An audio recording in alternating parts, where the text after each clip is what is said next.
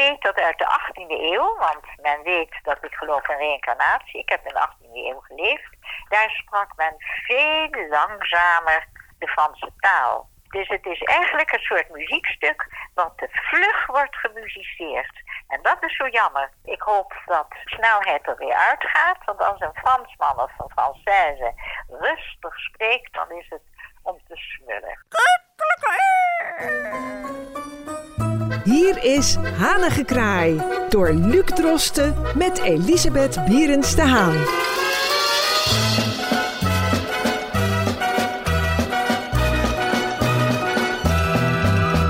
Hartelijk welkom bij Hanige Kraai met wederom Elisabeth Bierens de Haan via een telefonische verbinding. En net als vorige week gaan wij het hebben over talige verschijnselen, namelijk Franse importwoorden. Wat heel veel mensen niet weten is dat het Frans de taal is die het meest aan importwoorden aan het Nederlands heeft uh, toegevoegd. Dus dat zijn leenwoorden vanuit het Frans. Er zijn in het Nederlands meer Franse dan Engelse leenwoorden bijvoorbeeld, wat voor uh, bepaalde generaties misschien lastig uh, te begrijpen zal zijn, omdat het Engels tegenwoordig de lingua franca is. Maar mevrouw Bierens de Haan, u wilde ook graag wat Franse woorden belichten. Wat heeft u met de Franse taal?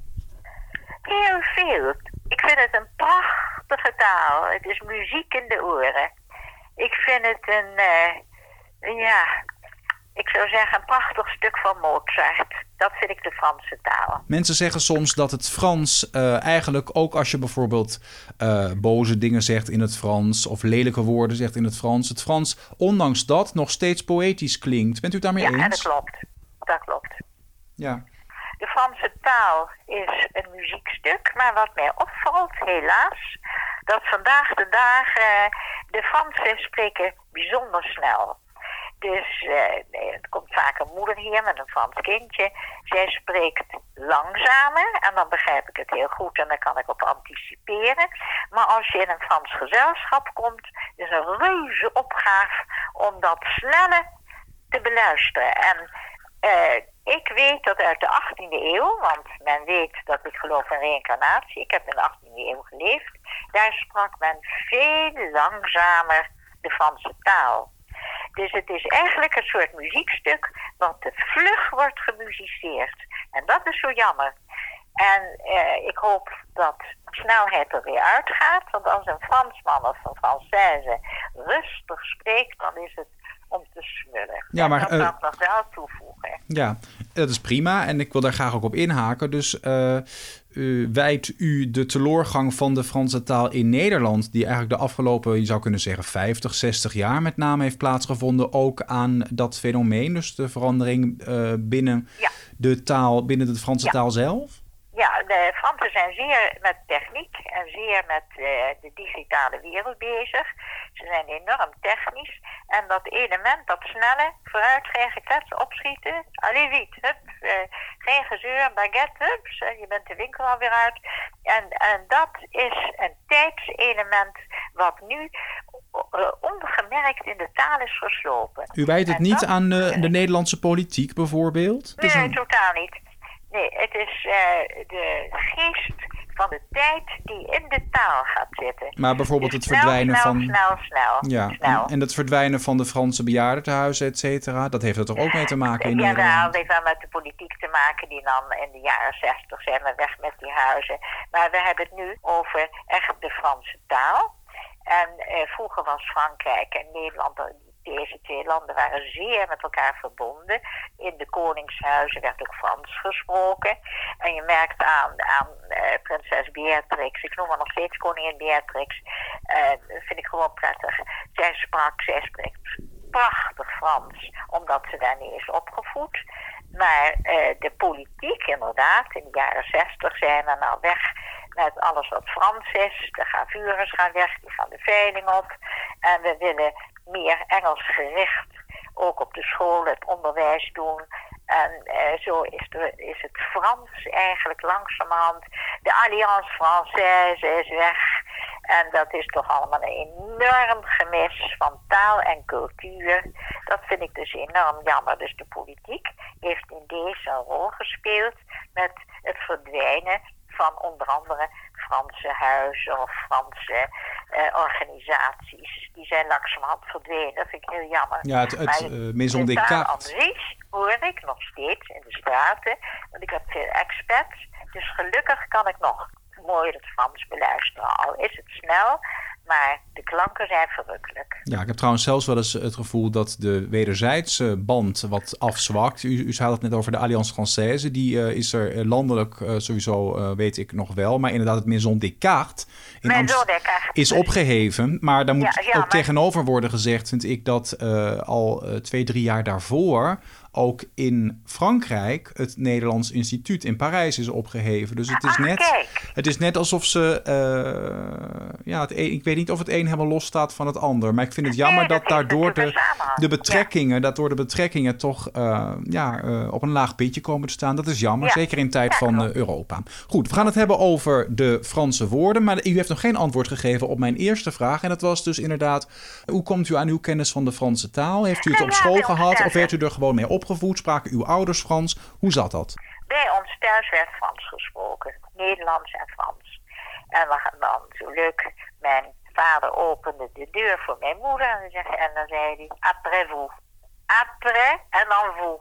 Niet van, uh, nou ik ga eerst even en uh, klaar. Nee, après vous. En dat vonden mijn broer en ik zo enig, dus dat deden wij na. Kijk, dat doen kinderen, die gaan dat nadoen. Après. En mijn vader zei vaak aan tafel, mijn vader zat in de wijn, dus die kwam heel veel in Frankrijk. En dan kwam die thuis met een hele prachtige, mooie Bourgogne. En dan mochten wij een beetje van drinken met water. En dan zei mijn vader aan het eind van de maaltijd, Hanny, een bout fromage pour terminer le vin. Een klein stukje kaas om de wijn te beëindigen. En dan werd er gezegd in Huizen een bout de fromage pour terminer vin. En zo waren er vele gezegd, dus bijvoorbeeld de Duitse inval. En ik keek als kind door het raam en ik zag allemaal Duitsers marcheren. En toen zei mijn vader, Hanny, attention l'enfant. En dan wisten wij, Hanny, let op het kind, je moet het niet zien. En mijn broer ging dat weer kopiëren. Dus als hij speelde, zei ik, Jan, attention l'enfant. Ja. en zo waren er ongelooflijk veel Franse dingen. Uh, leuke gezegd. Dus uh, ja. ja, vader, was, uh, vader en moeder woonden in Frankrijk. En mijn vader was in Frankrijk viceconsul in Bordeaux. Wij waren dus zeer georiënteerd ja, op het Franse leven. De vader was wijnimporteur en was viceconsul, honorair viceconsul. En zijn daarna naar Holland gegaan na een paar jaar. Dus dat Frans wat ze zich toen toe-eigende, dat werd toch in huis heel vaak gesproken. En was het dan ook zo dat als. Ja, en was het dan ook zo dat als uh, uw ouders bijvoorbeeld iets wilden bespreken dat de kinderen niet mochten horen of begrijpen, dat ze dan onderling Frans spraken? Ja, klopt. Ja. Helemaal. Ja, en, en, en dan, ja, dus, dan krijgt het nog een extra een soort mystieke of mysterieuze lading van wat wordt hier gezegd. Ja, dat was helemaal niet zo wat tegenwoordig gebeurt. Uh, ik zei tegen een moeder, uh, kan dit of dat? Toen zei die moeder, dat jongetje zeven, ik moet het eerst met hem bespreken en uh, kijken wat hij ervan vindt. En toen zei ik, het kan me niet schelen wat hij ervan vindt. Het gaat om wat ik vind, want ik wil het zo. En toen schrok die moeder. Kijk, en dat ging in ons huis zo. Er werd niks besproken met die kinderen. Die kinderen hadden een mond en die kinderen zijn aardig en de ouders waren aardig. Maar er werd Frans gesproken, omdat we het niet mochten horen. Het ging ons ook geen klap aan. Maar dat is weer de verandering van de tijd. Uh, kinderen worden geïnformeerd over de meest uh, onderwerpen. Van ik denk, grote goden, moet dat nou? En in mijn tijd, en dat vind ik toch heel goed, werd er Frans, je kan ook Engels nemen, we hebben het nu over Frans, werd er in het Frans gezegd, zo, zo, zo, zo. Ja. En dan later ik, mama, daarom mocht ik het niet horen, omdat dat nog niet geschikt is voor kinderen. Nee. En dat is een heel juist antwoord, is een statement. En daar, moet, daar moeten we het maar mee doen. Ja. ja. Nou, we gaan het hebben over de woorden zelf. Dus welke woorden wilde u belichten? Ja, ik heb hier een woord capuchon. Dat heet tegenwoordig een Yehudi. Dat is nou een Yehudi. Capuchon. Prachtig. Station. Station. Trottoir. Dat heet tegenwoordig stoep. Uh, je het aanvullen, dan doe je er nog krijt achter. Stoepkrijt. bestond niet in mijn tijd. Trottoir. Wilt u op het trottoir lopen, jonge dame? Jazeker. Commode, klein kastje, commode. Peignoir, een ochtendjas. Een koep. Dat zeggen we nog, coupe soleil. Ja. Probeer ze aan, wilt u coupe soleil? Nee meneer, dat wil ik niet. Ik wil mijn eigen kleur. Goed, krijgt u geen coupe soleil. Dat zijn van die mooie woorden.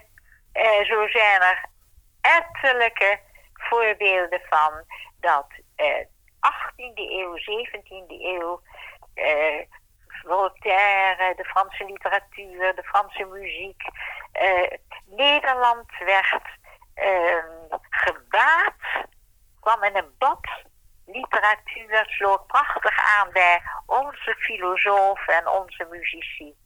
En eh, dat tijdperk is voorbij. We zijn nu veramerikaniseerd. We zijn een blinde darm van Amerika. Ja, ik denk zelf trouwens ook dat heel veel mensen die nog wel Franse woorden gebruiken, vaak niet beseffen dat het Franse woorden zijn, zoals etage, bureau. Ja, eh, maar, ja, leuk. Dat zegt hij heel goed. Zo is het ook. hè? En Ze ook, weten de eh, oorsprong niet. Nee, de mensen staan er ook überhaupt vaak niet eh, bij stil. En dat is dan ook eh hè, onbegeer, of, eh, hoe heet het, onbegeerd is, is onbemind. Nee, eh, Ja. onbekend is onbemind. Dus Ja. mensen die niet weten waar het vandaan komt, zien ook de charme er niet eh, van in. En dat is eigenlijk jammer. Dat is heel jammer. Dat klopt. Ja, Ja, Luc, zo is het ook. nou ja, maar En we zijn vind- hier ook met een opvoedende Het is een functie. eerbetoon weer, een eerbetoon aan de Franse taal. Die wordt even belicht als een schoonheid van klanken, net als Italiaans. Ja, mensen vinden Italiaans mooier, maar ik vind Frans mooier. Het klinkt, als je het rustig spreekt, al zou je het niet verstaan. Het is balsem voor de ziel. Ja, daar ben ik het. eh, maar goed, dan praat ik ook een beetje. eh, dat kun je, het is niet heel erg verwonderlijk. Vanuit mijn rol als docent Frans eh, ben ik ja, het uiteraard roerend, roerend mee eens. Mag ik u vragen, heeft u ook, u had het net al over Voltaire. Ehm, le- leest u ook Franse literatuur of heeft u een Franse schrijver die u in het bijzonder waardeert? Ja, ik was net bezig met helemaal te verdiepen in Guy de Maupassant. Wat leuk. En dat komt, er komt ook een hele serie, Paul Verhoeven. Die gaat een achtdelige serie maken over Guy de Maupassant. En als ik dat dan zo hoor, denk ik, wat leuk, dat hebben we op school behandeld. Ik ga de dictionaire nemen, ik heb geen computer. Dictionaire is zo leuk, het is papier, je bladert het om. En eh, je hoeft hem niet aan te zetten, het is een boek wat je neerlegt, een encyclopedie. Dus ik ga dit weekend mij verdiepen, eh, wie was hij? Eh, wat was een gedachtegoed. Ja. Dus eh, dit is wel in het oog springend Guy de Maupassant. Ja, Guy de Maupassant, eind 19e eeuw. Hè, realistisch of 19e eigenlijk eeuw, naturalistisch schrijver een Ja. beetje. Eh, Ja, klopt. korte verhalen, vooral veel korte verhalen die zich in Noord-Frankrijk afspelen. Ja, precies. En dat weet ik dan weer. En ook het, dat is wel interessant, Flaubert, Flaubert. Zijn, zijn grote leermeester, waarvan af en toe wordt gesuggereerd. Want Flaubert had een, eh, een, een vriendschap met de moeder van Guy de Maupassant. Dat, kijk. dat Flaubert misschien ook wel eens de biologische vader van Guy de Maupassant zou Ah, hebben kunnen zijn. Zo, Dus eh, wie zal het zeggen? Maar dat soort, eh, nou, ik zou het bijna roddel en achterklap willen noemen. Maar dat, dat soort sappige informatie kan soms de liefde voor de literatuur ook weer wat doen oplaaien. Ja, Nou, we gaan ook volgende week nog weer talige input geven. Want mevrouw Bierens de Haan, u heeft ook het een en ander met Jiddische uitdrukkingen. ja, klopt. En daar gaan we het volgende week verder over hebben. Ja, heel goed. Nou, graag tot dan. Graag tot dan, Luc.